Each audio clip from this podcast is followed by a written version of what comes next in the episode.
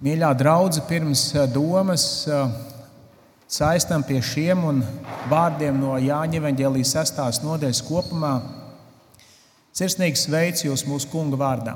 Tāpat arī sirsnīgi sveicieni man lūdzu jums tos nodot no eh, Keitijas Ledervudas, kura kādu laiku, kad bija Rīgā, arī šeit ir savas garīgās mājas atradusi un šobrīd kalpo Cēzus pilsētā ar to, kas viņai ir dots un to, kas viņas aicinājums, īpaši domājot šajā laikā par Ukraiņas karā cietušo karavīru un civiliedzīvotāju rehabilitāciju.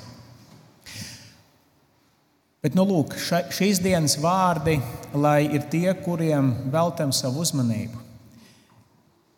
Es esmu dzīvības maize. Un arī lasījām vairāk kārt šajā tekstā, Kas nāk pie manis, tam nesalks, un kas man tic, tam neslāps nemūžam. Šodienas teksts mūs aicina pie notikumiem, kur norisinājās Galilejas jūras krastos. Ja mēs lasītu no nodaļas sākuma, mēs lasītu par to, ka cilvēki sekoja Kristum brīnum dēļ. Un Jēzus Kristus sacītie vārdi Es esmu dzīvības maize, seko notikumu un sarunu ciklam, kuros notikumu dalībnieki ir bijuši acu liecinieki Kristus brīnumam, ar vairāk kā 5000 cilvēku paēdināšanu. Tāpat Kristus sarunās ar saviem mācekļiem pārbaudīja viņu ticību. Kur pirksim maizi? Jēzus jautāja Filipam. Filips runā par naudas daudzumu, kāds ir viņa rīcībā, bet atzīst, ka ar to nepietiek pat mazums katram. Viņa secinājums mums nav kā paēdināt klātesošos. Filipu labi saprotam, jo arī šodien bieži dzirdam, varbūt pat paši kādā reizē sakam un atzīstam, mēs nevaram. Es nevaru, mums nepietiks, man nepietiks. Kas tas ir tik lielam ļaužu daudzumam? Un, ja kāds no mums mēģinātu šo skaitli 5000 sareizināt ar vidējās maltītes cenu, mēs saprastu, ka šādiem vārdiem ir kāds noteikts pamats. Bet kā teksts mums liek domāt, Kristus pārbaudīja. Un šos notikumus, protams, ir vērts redzēt kopskatā ar aprakstu no Marka un Mateja evaņģēlijiem. Taču mūsu uzmanībai šodien Jāņa evaņģēlīja vēstījums par notikumiem Galilejas jūras krastā. Šajā pat pārbaudas brīdī Andrejs norāda uz kādu zēnu ar piecām maizēm un divām zivīm. Bet tūlīt pat atzīst, kas tas ir tik daudziem ļaudīm. Ar šo ievadu mēs saprotam, ka vārdiem, kurus Kristus saka, es esmu dzīvības maize, ir kāds noteikts ievads, kur noteikti sarunas centrā ir temats par ēšanu, par pārtiku, par maizi, par ļoti saprotamu cilvēka dzīves pamatvajadzību. Braucot no cēsīm, šajā rītā arī klausījos Latvijas radio rīta svētbrīdi un par pārsteigumu, patīkamu pārsteigumu arī Mācītājs Raimons Lots līdzīgas domas un vārdus šos pašus bija izvēlējies rīta apcerēji. Tas noteikti atgādina, ka, ja bieži par to runā, tas liek domāt arī par mūsu izsalkumu, un te nav runa tikai par garīgo, bet pāri tam arī par, par fizisko un garīgo pāri tam. Tad, nu, lūk, Andrejs norāda uz kādu zēnu ar piecām maizēm un divām zivīm. Un lasot un domājot, būtu interesanti zināt, kāpēc tikai zēns bija paņēmis līdzi maizi, vai citiem nebija. Bet, ja nu bija, vai zēns bija vienīgais, kurš bija gatavs padalīties? Iespējams, katrs domāja par savu vēderu. Mēs nevaram apgalvot, nevienu ne otru, ka tur bija vai nebija vēl maizes, bet viens ir skaidrs, ka tur ir kāds, kurš ir gatavs dalīties. Saņēmis maizi un zīvis no zēna rokām, Kristus dod mācekļiem un klātesošiem norādījumus, un ļaudis apsēdušies piedzīvo brīnumu. Seko Kristus brīnums. Visi ir pēduši un pārsteigti, ka vēl tik daudz ir palicis pāri pēc maltītes. Viņi nav tikai remdējuši savu izsalkumu, bet ir pēduši sātīgi. Šī ir tik spilgta klātesošo pieredze, ka ļaudis apliecina, ka Jēzus viņu prāt ir gaidāmais pravietis, un viņiem ir arī nodoms. Nodoms ar varu celt Jēzu par ķēniņu, lai viņš kļūtu viņu politiskais un nacionālais vadītājs. Iespējams, pavisam noteikti, ka daudzi citi gaidītu un sapņotu par šādu brīdi, bet ne Jēzus. Šie ļaudis gan būtu gatavi ēst Jēzus maizi, bet vai viņi būtu gatavi sekot un paklausīt? Vai būtu? Viņi gribēja, lai Jēzus piepilda kādas viņu politiskās, nacionālās intereses. Viņi vēlējās, lai Jēzus dotos pa viņu teoloģijas sekvenci, taču Kristus no tā aiziet. Nodalās vienatnē, uzkāpdams kalnā, un kalnu pakalnu virsotnes Jēzum kalpoja lūgšanai.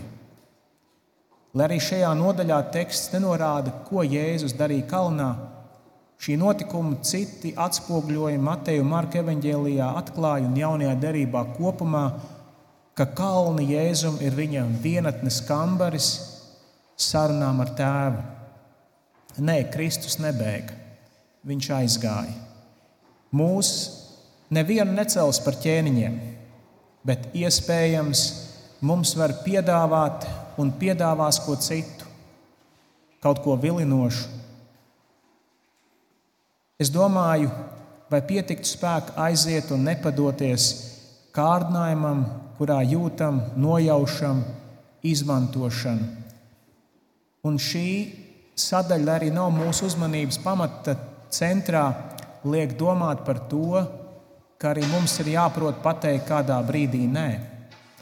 Runa ir par, protams, tekstā par garīgām, virspusē tā varētu šķist lietām. Taču šis teksts liek domāt un saprast, ka ticīga cilvēka dzīvē ir jābūt brīžiem, kad mēs protam un spējam arī pateikt nē. Ir tikai svarīgi saprast, kur ir šie brīži. Pavisam noteikti šis teksts un notikums atklāja, ka šie cilvēki vēlējās, lai Kristus dotos citā, viņam neparedzētā virzienā. Un arī mums Tādēļ, līdzīgi kā Kristum, ir atgādinājums sekot viņa pieredzēji. Laiks lūkšanai vienmēr ir laiks, kurā mēs iegūstam gan skaidrību, gan atbildes, gan drošību, gan mierinājumu, gan arī varam pārdomāt savu līdzinējo garīgo ceļu un domāt par turpmāk speramajiem soļiem. Par to domāsim Jā, ja mēs lasītu visu tekstu sestajā nodaļā, redzam arī kādu norādu uz to, ka mācekļi dodas prom nesagaidījuši Jēzu no kalna, un tāda ir Jēzus norāde, kā to lasīt Marka un Mateja evaņģēlijos. Un naktī mēs redzam, ka viņi jūrā ir devušies jau kādus 4-5 km, un ir vējš un vētra un viņi piedzīvo grūtības, un Jēzus iet pie viņiem pa jūru. Un šis notikums, kā jau to uzsveru, ir pieminēts vēl plašāk Matejā un Marka evanģēlijā. Tas ir atsevišķs stāsts, atsevišķs uzmanības vērts notikums, bet arī to, lai atstājam kādai citai reizei. Atgriežoties pie maizes, pie notikumiem ap ļaužu pabarošanu un Jēzus vārdiem es esmu dzīvības maize, mēs lasām tekstā, ka nākamajā dienā ļaudis, nezinādami, ka Jēzus ir devies prom, nepacietīgi un apjukuši meklē viņu. Tik lielu iespaidu uz viņiem bija atstājis ēstās maizes brīnums. Viņi gribēja vēl maizi. Kad viņi beidzot atrod Jēzu, Jēzus tiem atbildēja un sacīja, citēju: Patiesi, patiesi, es jums saku, Ne tādēļ jūs meklējat mani, ka redzējāt zīmes, bet tādēļ, ka jūs esat no tām maizēm ēduši un pēduši. Strādājiet nevis iznīkstošās barības dēļ, bet tās barības dēļ, kas paliek mūžīgai dzīvībai, ko jums dos cilvēka dēls, jo viņu ir apzīmogojis Tēvs Dievs. Citāta beigas. Šie vārdi liek apzināties, ka jēzus meklēšana vēl nepasaka visu. Laiks ar viņu, ēdot viņa maizi vai pavadot laiku kopā ar citiem, kas viņu meklē, arī vēl nepasaka visu. Viss, kā šis teksts liek domāt, tiek pateikts un izsakas tajā, kādi iemesli mūs vada, kāpēc mēs meklējam viņu, kāpēc mēs sajūtam un esam šajā pārliecībā, ka mums viņš ir nepieciešams. Viss, ja tā varam teikt, jaunās derības kopskatā izsakās jaunpiedzimšanas, pārtapšanas pieredzē. Ka mēs meklējam viņu ne tādēļ, ka viņš mums kaut ko varētu dot laicīgās dzīves robežās, bet mēs meklējam viņu tādēļ, ka mēs pazīstam kādu iekšēju izsalkumu, slāpes, un ka Viņš ir tas, kurš to visu var piepildīt, remdēt un dot sāta, garīga sāta sajūtu.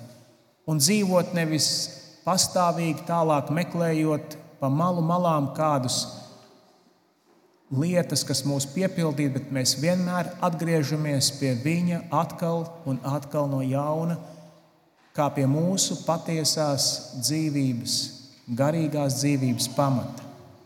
Un visā šajā notikumā, kur ļaudis bija daudz baudījuši no fiziskās maizes, Jēzus vēlas viņu uzmanību vērst uz vēl ko būtiskāku.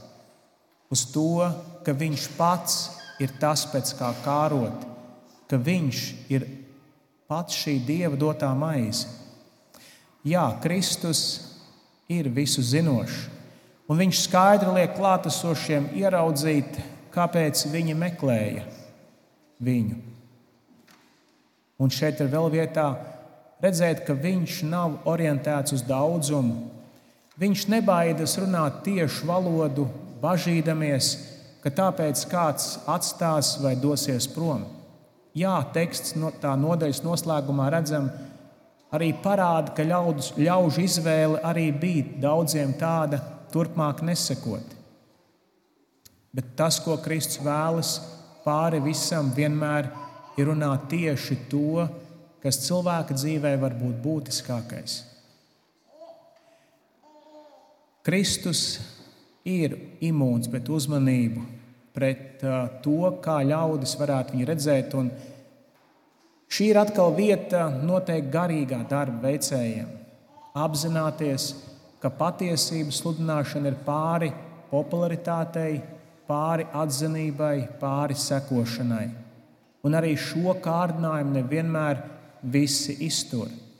Tādēļ lūgsim par tiem, kuriem mēs uzticam mums kalpot ar Dievu vārdu.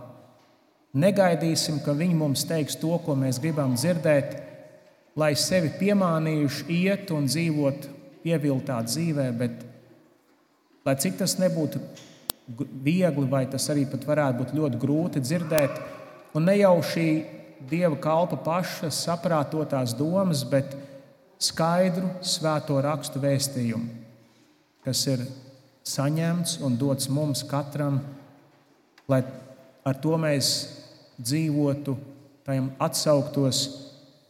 Un arī šis ir kāds atsevišķs temats, par ko runāt kādā no reizēm. Lūk, dzirdējuši, ka viņš ir Jēzus ir Dieva apsolītās mūžīgās dzīvības devējs. Jūdi prasīja pierādījumus. Bet kā ar brīnumu? kuru viņi nulle bija piedzīvojuši. Viņu gremošanas sistēma vēl nebija pārstrādājusi maizi, ko viņi bija baudījuši, un viņi prasīja jaunus pierādījumus. Viņi atklāja savu nepastāvību, atkal no jauna gribot pārliecināties, lai gūtu šo pierādījumu, ka viņš tiešām ir tas, par ko viņš sevi šeit apliecina ar šo autoritāti, norādīdams, ka viņš ir tas, kurš dod mūžīgo dzīvību, ka šī maize ved pie mūžīgās dzīvības, ka viņš ved un ka Dievs viņu ir apzīmogojis šim uzdevumam, ka tās ir viņa pilnvaras. Šis vārds apzīmogojas, to arī apliecina tā, lai klausītājam mūsdienās tas būtu tā, ka Dievs to ir parakstījis ar drošu elektronisku parakstu vai mūsdienās apliecinājis, ka šis ir patiesa mans nodoms, mana griba, mans, manis dots uzdevums. Bet jūdi prasa un saka, pierādi. Šajā sarunā arī jūdiem ir saruna ar Kristu par vecās derības brīnumu, par mannu no debesīm, kad jūda tauta to saņēma un Uz šo Kristus tālāk saka, citēju, jo dieva maize ir tā, kas nāk no debesīm un dod pasaulē dzīvību. Tad tie sacīja viņam, Kungs, dod mums vienmēr šo maizi.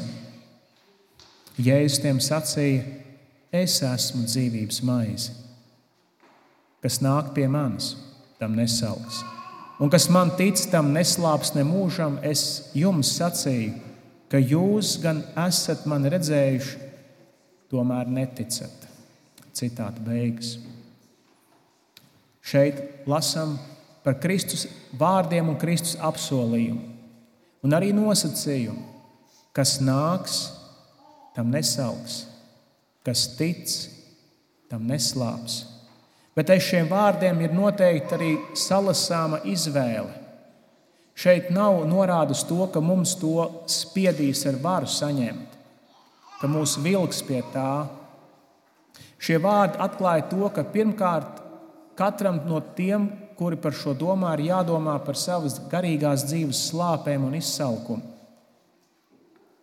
Šie ir vārdi izsalkušajiem un izslāpušajiem. Nē, ne fiziskās maizes izsalkušajiem, bet izsalkušajiem pēc dvēseles, gara piepildītas, miera, ietvērtas Dieva žēlastības pilnuma aptvērtas dzīves. Un lūk, te ir arī šis aicinājums, ka tad, kad mēs apzināmies izsalkumu, mums ir jādomā, kam, kādam saturam mēs ļaujam piepildīt sevi, lai šo izsalkumu remdētu. Kad jūda domā par vecās derības brīnumu, kad viņi vēl atcerās un kāro pēc jaunām pieredzēm, maizi, ko Kristus deva, viņš saka, es esmu dzīvības maize. Norādīdams tieši uz to, ka viņš ir tas, caur ko Dievs, Dievs ir paredzējis dot pasaulē dzīvību. Un šis apsolījums ar šo tekstu ir brīnišķīgs. Kas nāk pie manis, tam nesauks. Jeb citiem vārdiem, ir doma par to, ka tam nebūs jāpieviļas. Atsevišķs temats var būt par to, cik bieži vien var nākties dzīvē vilties. Reizēm vilšanās var būt arī pozitīva pieredze. Tā var būt audzinoša pieredze. Bet Kristus, Kristus, kad nākam pie Viņa, mums neliek vilties. Un Viņš nebaidās to apgalvot, jo Viņa vārdi ir patiesi. Kas nāk pie manis, tam nesauks. Un kas man tic, tam neslāps ne mūžam. Varam jautāt, vai mēs gribam atsaukties, vai mēs vēlamies doties pie Viņa. Kaut kur jau noteikti mēs dodamies ar savu dzīves izvēlēto ceļu, taču mums ir jādomā, vai izvēlētais virziens var apsolīt to pašu, ko Kristus saka šajā vietā jūdiem toreiz, un šie vārdi arī mums šodien ir aicinājumi vārdi, kuriem ir šis apsolījums. Dieva maize ir dzīvības maize pasaulē. Jāatzīst, ka neatkarīgi no tā, kas mēs esam un kādi ir mūsu izvēlētie dzīves ceļi vai profesionālās karjeras ceļi. Garīgā nozīmē izsalkums ir vienādi pazīstams. Tāpat kā fiziskais izsalkums un slāpes nešķiro cilvēkus pēc kādām varbūt viņa izvēlētām dzīves lietām, bet ir fiziskas dzīves realitāte, tāpat arī garīgi. Šo vēlos akcentēt tādēļ, ka mēs no sirds varam baudīt daudzas lietas, ko dzīve piedāvā. Un noteikti pat ir vērts daudz ko dzīvē arī darīt, un arī šajās dienās priecāties par to kultūras bagātību, kas mūsu tautā ir uzkrāta, un tā mūs var piepildīt, iedrošināt. Un mēs varētu arī vēl dažādas citas lietas teikt, ne tikai no kultūras, bet no citām dzīves jomām. Arī varbūt dažādi to vērtē, vērtētu. Tā ir mūsu personīga lieta, mūsu pārliecības lieta, kā to redzam. Bet to sakot, es vēlos teikt, ka lai tas nav viss, pēc kā mēs tiecamies. Jo nekas no tā, ko es pieminu, nevar apsolīt to, ko Kristus saka šajā vietā jūdiem un saka mums. Kas nāk pie manis, tam nesauks, un kas man tic, tam neslāps. Un šis pēdējais vārds nemūžam nozīmē šo piepildījumu, pilnumu, ka tas nav kaut kādam brīdim, kad atkal un atkal gribas, jā, mēs nākam pie viņa pastāvīgi, bet šis apsolījums ir mūžīgs. Jo to viņš šeit pasaka, ka nākuši pie Kristus mēs iegūstam ne tikai kādu īslaicīgu, garīgu piepildījumu, bet mēs iegūstam jaunu, patiesu dzīvi kopā ar viņu. Jā, pat tā sakot, uz brīdi arī jūdzi saka, Kungs dod mums vienmēr šo maizi. Lūkšana ir patiesa, tā ir savā vēstījumā skaista. Arī mēs noteikti varam lūgt, ilgoties pēc viņa.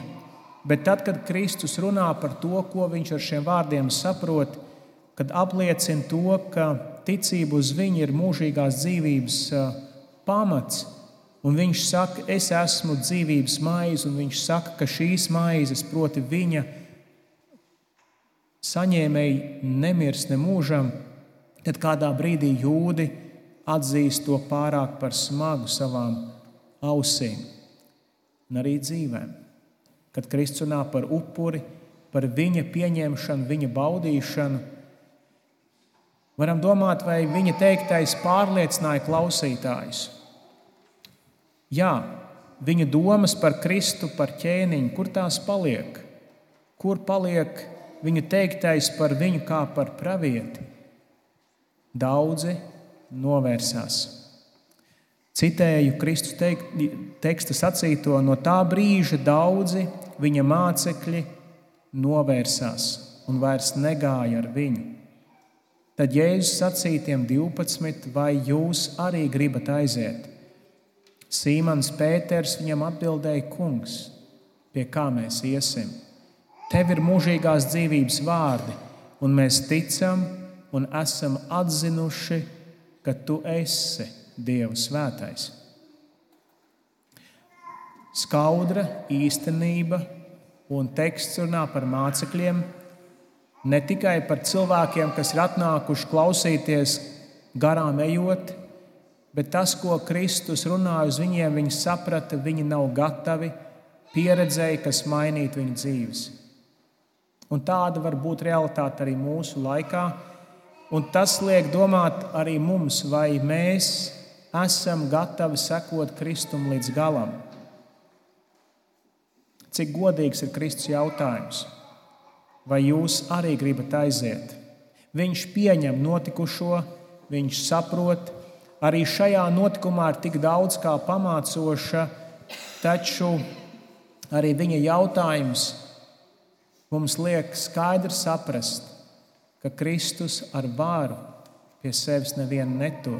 Viņš nemanipulē ar klausītāju, viņš necenšas apsolīt to, ko nespējas dot. Viņš necenšas visu pasniegt skaistākā, viņiem patīkamākā, pieņemamākā formā. Viņš saka, kā tas ir. Viņš runā par sevi kā par dzīvības maizi un to, ka Dievs ir paredzējis glābšanu pasaulē caur viņu. Un kādiem tas bija par smagu. Un lūk, Pēteris atbild, kad Jēzus to bija jautājis, Kungs, pie kā mēs iesim. Tev ir mūžīgās dzīvības vārdi, un mēs ticam un esam atzinuši, ka Tu esi Dieva svētais. Un arī mums ir šis aicinājums, kad atbildam sev Dievu priekšā par Kristus nozīmi savā dzīvē, tad lai tā ir mūsu katra lūkšana, ejot cauri dzīves pieredzei, augot vecākiem, kļūstot uh, vecākiem vai mainot kādām lietām mūsu dzīvē, kas ir dabīgi mūsu dzīves sastāvdaļa, lai ir kaut kas būtisks, kas tajā nemainas no bērnības, cauri pusauģa, jaunības, spēka un arī jau gados, kad esam ar cienījamu dzīves pieredzi, līdz pat brīdim, kad no ticības pārējiem skatīšanā, ka mūsu lēmums sekot Kristum ir patiesa, nemainīgs. Un es gribētu teikt, ka tā arī būs daļa no tās liecības, kur mēs apliecinām laikā, kurā dzīvojam, ka Kristus ir tā vērts lai viņam sekotu. Un ka mēs neesam vēja dzenāti mākoņi, kuri tikai tad, kad sajūtamies labi, esam gatavi viņam sekot. Ka tikai tad, kad apkārt viss ir tā, kā esam pieraduši, ka tas notiek. Bet ja tā visa nav, ja viss ir savādāk, ja viss ir daudz smagāk, vai tā būtu veselība, vai kā daudzi brāļi man daži satikti, par daudziem dzirdēts, kuriem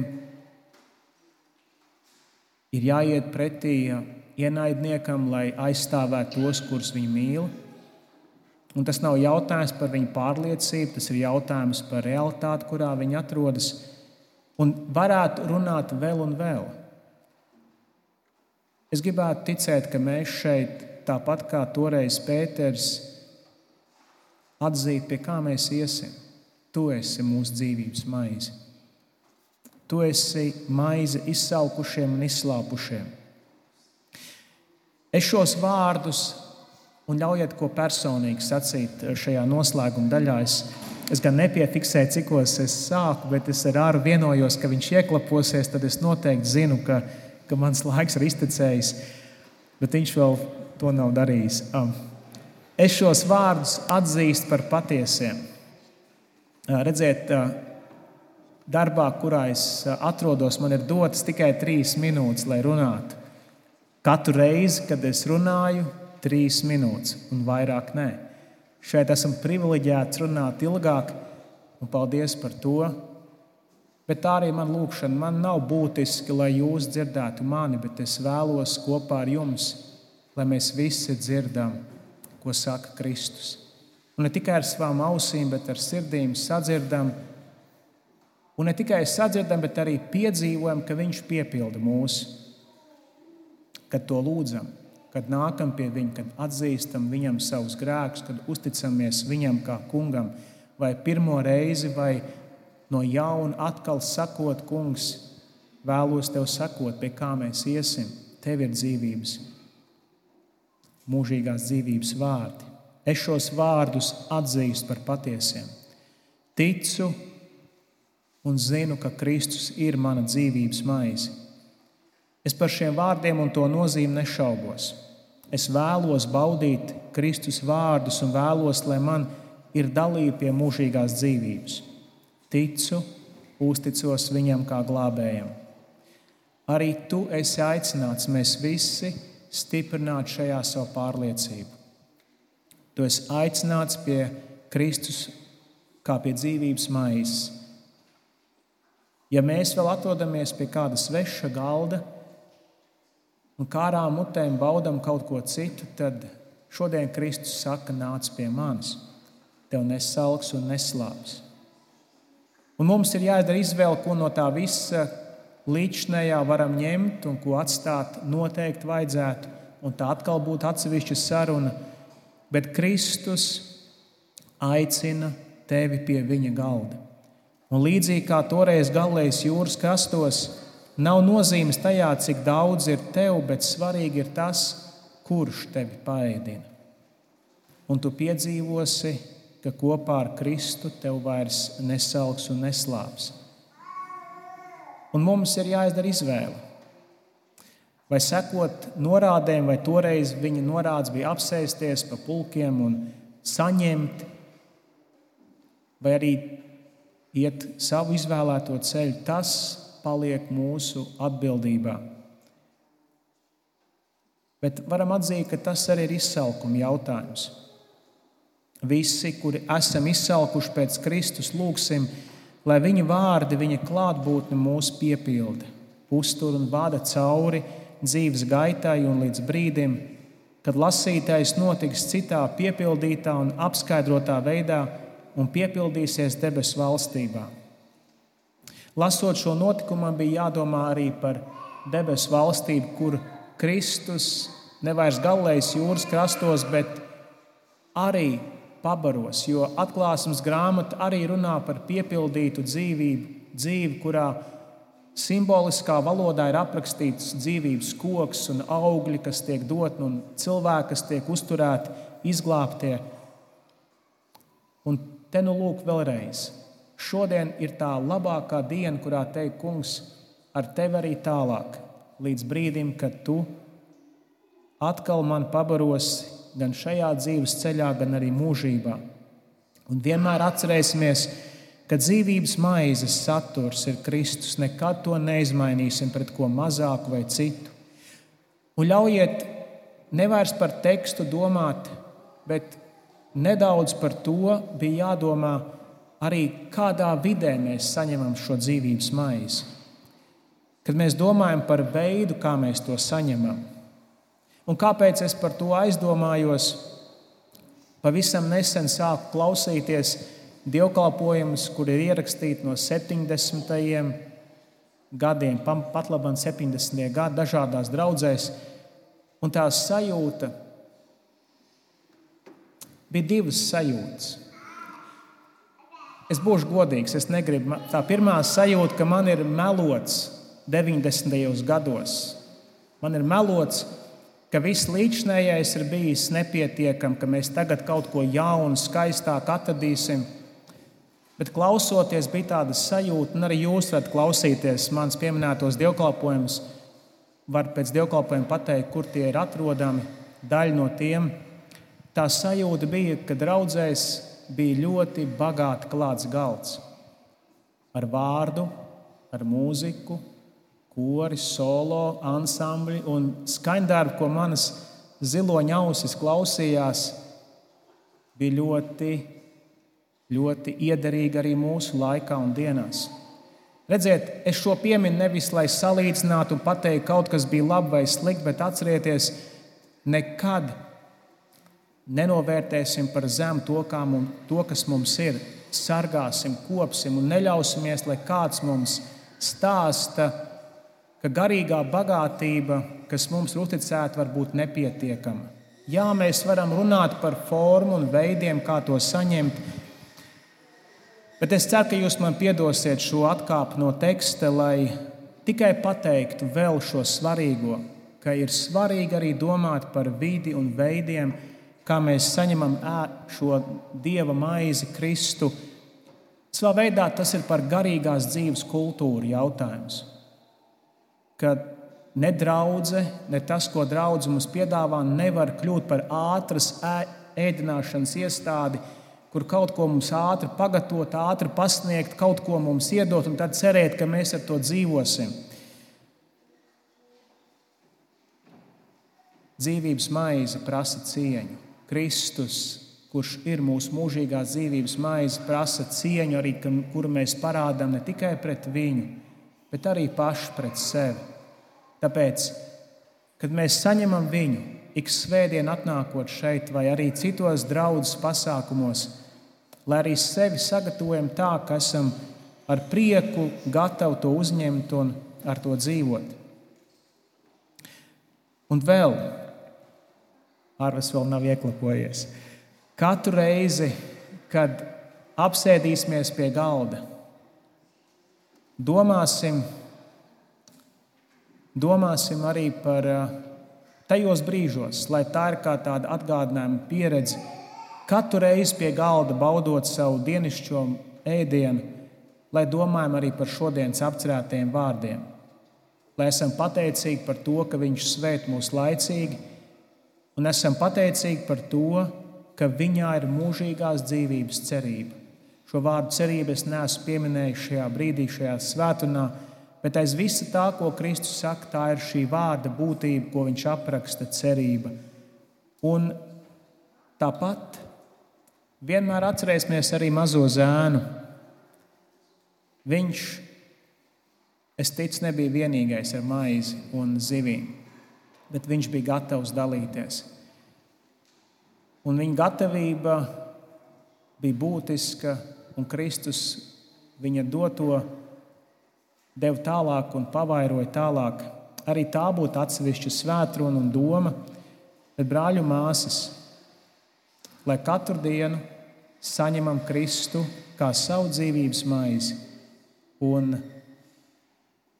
zinām un pieredze, piedzīvojam, izdzīvojam šo viņa apsolījumu, ka mums nesalks un mums vairs neslāps.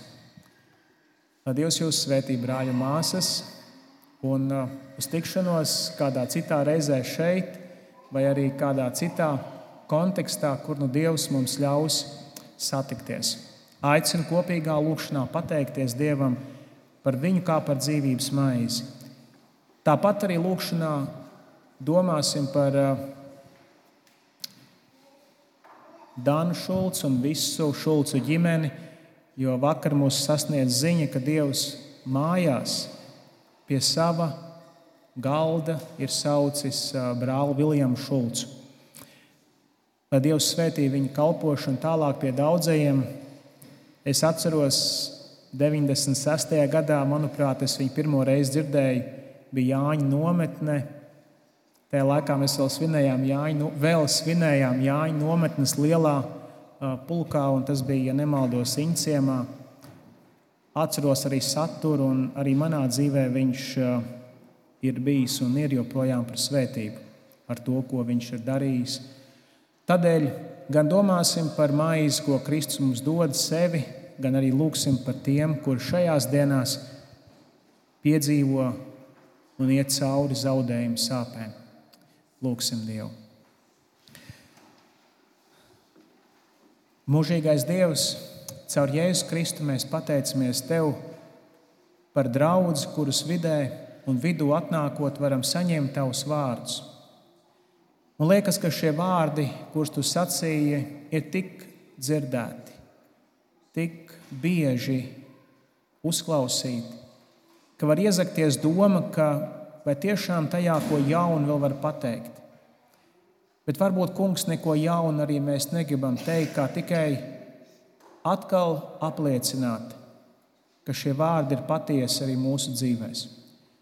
Ka tu esi mūsu dzīvības maize, ka tu esi kurš, tas, kurš piepilda mūsu izsalkumu un mūsu slāpes, un mēs no sirds tev uzticamies arī tālāk.